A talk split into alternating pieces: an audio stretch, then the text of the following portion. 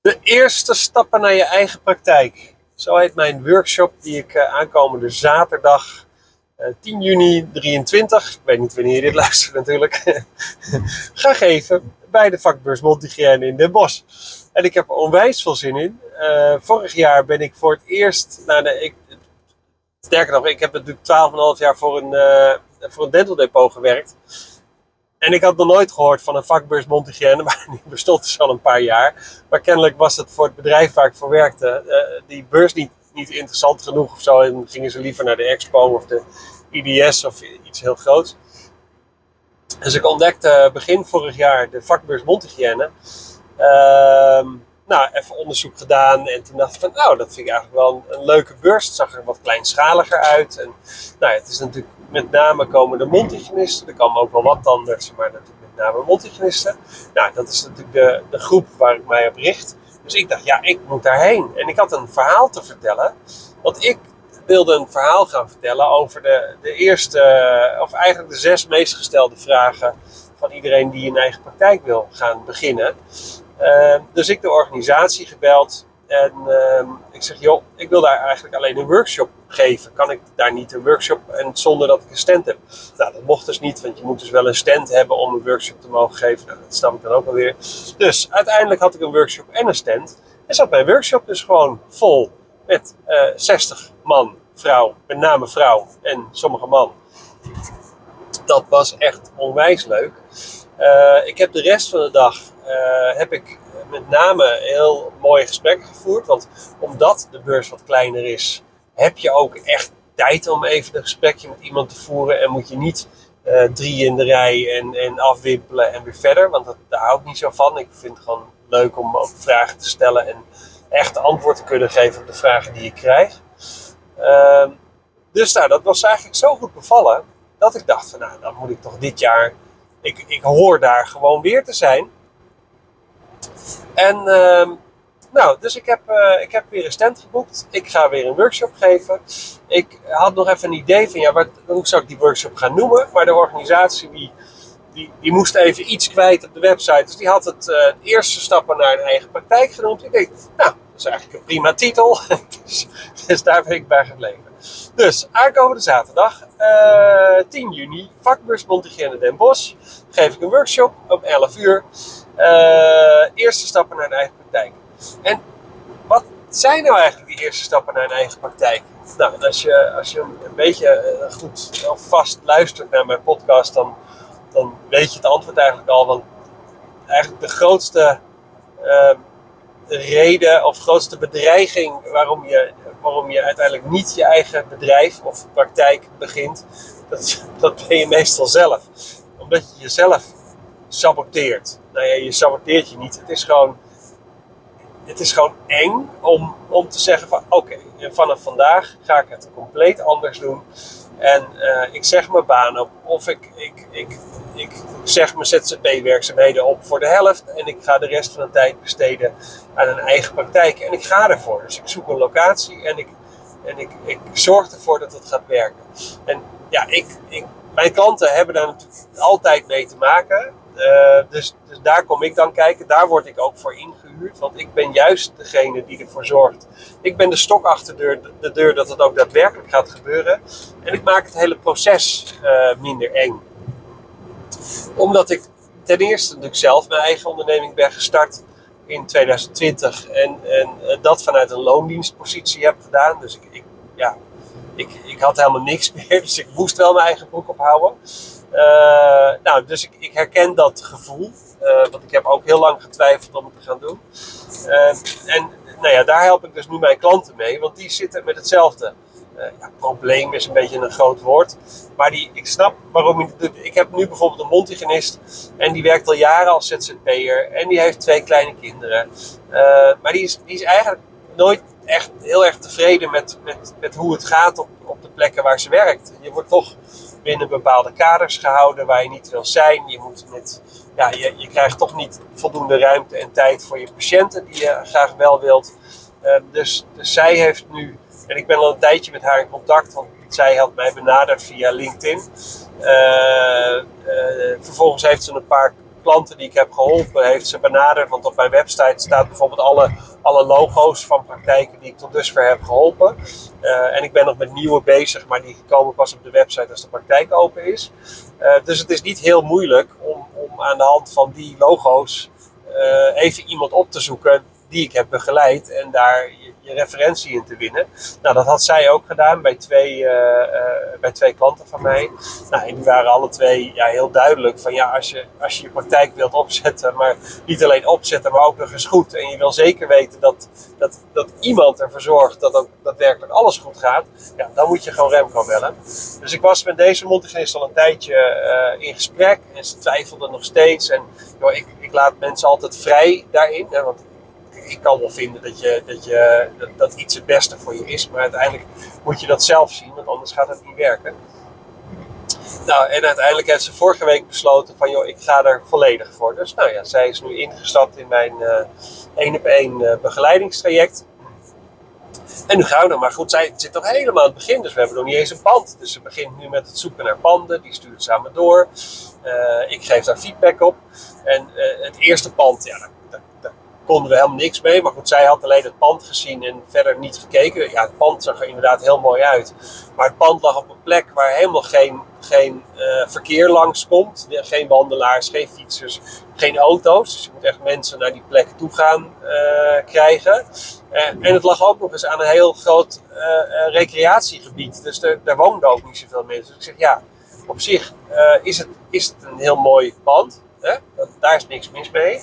Maar het ligt aan een recreatiegebied. Dat is nou niet een plek waar mensen naartoe gaan als ze naar de, in, dit geval Montigris willen, want het is Montigris. Um, en, um, dus ik zou me meer gaan vestigen, niet en, ik zou me gewoon meer gaan vestigen in, uh, op een plek waar mensen ook echt wonen. Want mensen zijn toch geneigd om meer in de buurt van hun woning naar de praktijk te gaan. Kijk, tenzij je een tandarts of een mondhygiënist hebt die, die al al, al, al 20 jaar in je gebit sleutelt. Uh, en die verhuist ineens 50 eh, kilometer verderop. En dan snap ik ook nog wel dat je zegt van nou, ik, heb er zo'n fijne band mee. Daar blijf ik. En ik, ik ga wel mee 50 kilometer verderop. Nou, dus dat traject zijn we nu ingestapt. Ik heb, dat, dat is ook wel weer grappig. Ik ben in de afgelopen week al drie keer weer benaderd door een tandarts die ook een praktijk wil. Nou, met twee daarvan ben ik een samenwerking aangegaan. Eén uh, heeft een pand op het oog, die wil die kopen. En een ander die heeft ook een pand op het oog, dat is een huurpand. Maar daar heb ik nog zelf een beetje twijfels bij, want het ligt ja, min of meer op een bedrijventerrein, ook nog eens op de derde etage. Dus daar moet je echt wel heel veel marketing meebrengen, wil je daar uh, patiënten naartoe krijgen. Dus ik, ik ga daar donderdag uh, even kijken. het is vandaag dinsdag. Om te zien wat, ik, wat ik van het pand vind. En dan geef ik daar in ieder geval mijn advies over. En dan nog hoor, als, als hij zegt van nee hoor, dit is, dit is het meest fantastische wat ik kan vinden en ik zie het hier helemaal zitten, nou, dan gaan we ervoor. En dan, ook dan doe ik er alles aan om uh, te helpen. Dus ja, als je kijkt, wat zijn nou de eerste stappen?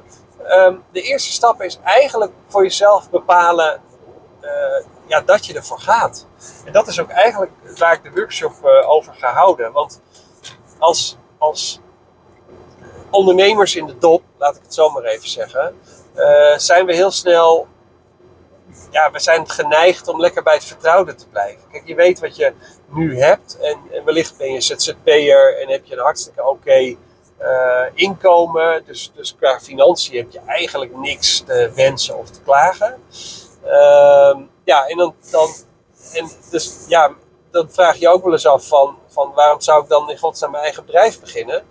Uh, nou, en, en de reden daarvan is juist uh, om, om gewoon die vrijheid te hebben.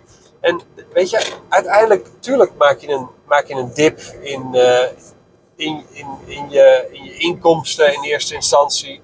En zal het altijd even wat slechter gaan dan dat je het nu hebt. Maar uiteindelijk heb je, ga je en beter verdienen en heb je alle vrijheid van de wereld. En dan noem ik nog maar weer eens het voorbeeld van een uh. Die is inmiddels echt een vriendin van mij. Want we gaan ook geregeld even uit eten of lunchen. Nou, en die zegt gewoon, joh, ik wil max drie dagen werken. En dat is eigenlijk de reden waarom ik mijn eigen praktijk ben gestart. Nou, en ze heeft na een jaar de ZZP-werk op kunnen zeggen. Uh, en, en werkt nu drie dagen in de week in de eigen praktijk. En ze heeft alle tijd om te doen wat ze wil. Om te reizen, of, of, of ze heeft heel veel sportieve hobby's. Uh, nou ja, ze heeft een vriend, daar gaat ze mee op pad. Nou, en dat is natuurlijk echt waarom je, dat is, dat is de voornaamste reden waarom je je eigen bedrijf zou moeten starten. Nou, en daar ga ik dus. Uh, nou, ik heb maar 30 minuutjes. als je mijn podcast luistert. Dus 30 minuten workshop. Nou, dat is natuurlijk zo voorbij. Want ik wil ook nog een opdracht uh, meegeven. Want ja, ik wil de mensen laten nadenken over. joh, wat, wat vind je nou minder leuk aan, aan de situatie zoals die nu is? En, en wat zou je eigenlijk willen? Nou, ga daar eens over nadenken. En, en in dat kader vind ik het leuk om ook met die groep dan. gewoon het daar eens over te hebben. Van joh, hoe uh, hoe haalbaar of bereikbaar is nou het, die, het, het, die eigen praktijk die je, die je voor ogen hebt? Want heel veel, heel veel mensen die ik spreek, die denken ook, ja, dat is niet voor mij weggelegd. En, uh, en het is allemaal veel te duur en ik kan het niet betalen. En nou, ik had, ik had dus uh, onlangs een mondhygiënist en die, ik raakte met haar in contact via via. En nou ja, eigenlijk was in eerste instantie de conclusie dat zoveel voor haar kon doen. Want ze heeft al een praktijk met één kamer. Nou, dat gaat super goed. En ze had eh, de intentie om, eh, om die te gaan uitbreiden. Dus ze was in eerste instantie in twijfel van moet ik nou in dit pand blijven of moet ik naar een ander pand. Um, nou, en gaandeweg het gesprek kwamen we erachter dat het pand waar ze nu in zit nog best wel uh, oké is. Ze kan daar een extra kamer in, in, in realiseren, want het is in totaal iets van 60 vierkante meter. En dan heeft er volgens mij gedeelde wachtruimte en een gedeeld toilet en dat soort dingen. Dus die, die heb je allemaal niet in je praktijk, maar die zijn gedeeld met andere uh, zorgaanbieders. En, uh, maar ja, ze, ze zitten in een huurpand. En dat, dat huurpand, dat is, uh, ja, het is, het is echt wel aan. Het, het, moet onderhouden worden. Alleen de huurbaas die, die doet niet zoveel aan onderhoud. Huurbaas is in dit geval een vrouwelijke huurbaas. Um, en ze is een keer bezig geweest met de koop van het pand. Maar goed, dan had haar financieel adviseur gezegd: nee, dat moet je niet doen en dat kan je niet betalen. Of de accountant, weet ik wie het had gezegd. Maar... Dus ik zeg: joh. Maar, dus ze was best wel angstig geworden en, en dacht alleen maar in dingen die niet mogelijk waren. Ik zeg maar: heeft hij of zij, ik weet niet of, haar accountant, adviseur, man of vrouw. Um, ook dat doorgerekend voor je? Of is het gewoon een aanname dat je het niet kan betalen? Ik zeg, want volgens mij doet je praktijk het best wel oké qua cijfers. Um, en heb je best wel ruimte om uit te breiden. En, en een uitbreiding betekent ook dat je uiteindelijk uh, een hogere omzet gaat draaien en, en meer mogelijkheden hebt. Dus ja, ik, ja, ik zie in instantie het probleem niet zo. Maar goed, ze had inmiddels aan de, want de, de, de verhuurder, uh, die had in eerste instantie wel interesse in verkoop. Maar dat, ja, nou ja, deze mondgris had dus uiteindelijk gezegd, doe maar niet. Op basis van de aanname van haar boekhouder-accountant, adviseur. Geen idee. En um, dus ik zeg, joh, kan je niet alsnog weer een openingetje creëren? Ik zeg, want als je nou het pand kan kopen, of, of dat onderdeel van het pand kan kopen, dan kan je ook, heb je ook het onderhoud er zelf in beheer. En hoef je niet te, te wachten als je airco stuk gaat uh, totdat iemand hem een keer gaat repareren. Dan kan je je kozijnen gaan bijhouden. Ik zeg, en uiteindelijk, een pand wordt altijd meer waard. Dus het is geen slechte investering. Nou, en oh ja, kan dat dan? En uh, dus ik zeg, nou, ja, zullen we het eerst eens even doorrekenen? Dus ik heb het doorgerekend en het blijkt dat het gewoon hartstikke haalbaar is.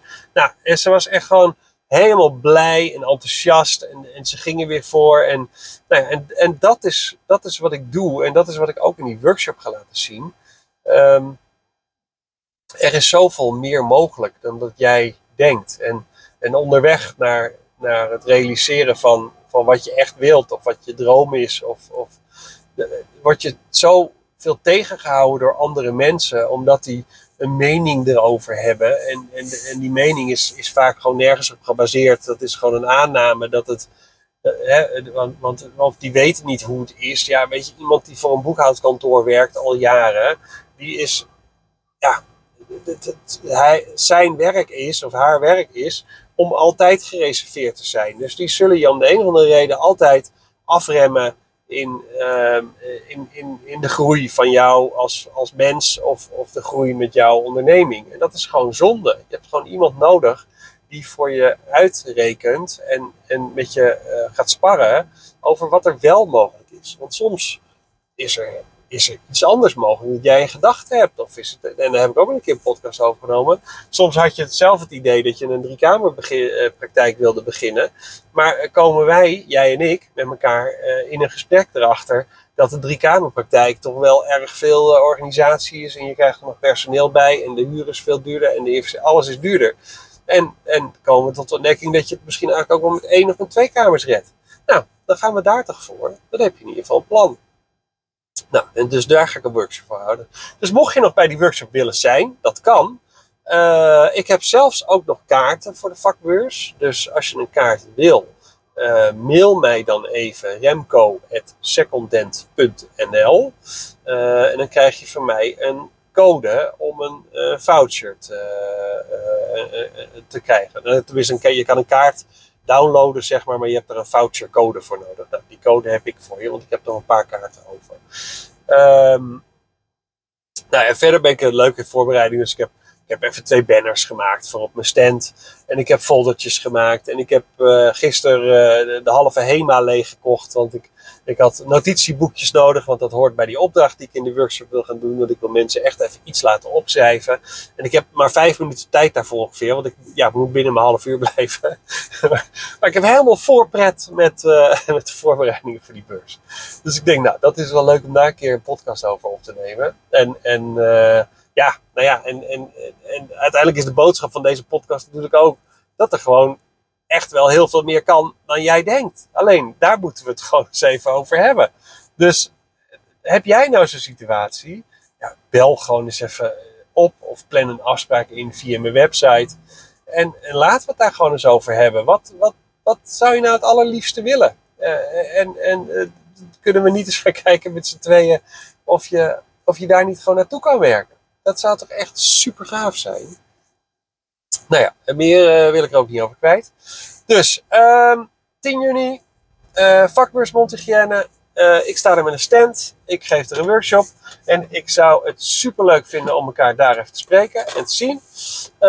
Ja, dus mocht je kunnen, nou ja, dan zie ik je daar. En mocht je een kaartje willen, remco.secondent.nl. Stuur even een mailtje. Krijg je van mij een, een vouchercode om een kaartje te downloaden. Nou, dat was het. Tot de volgende!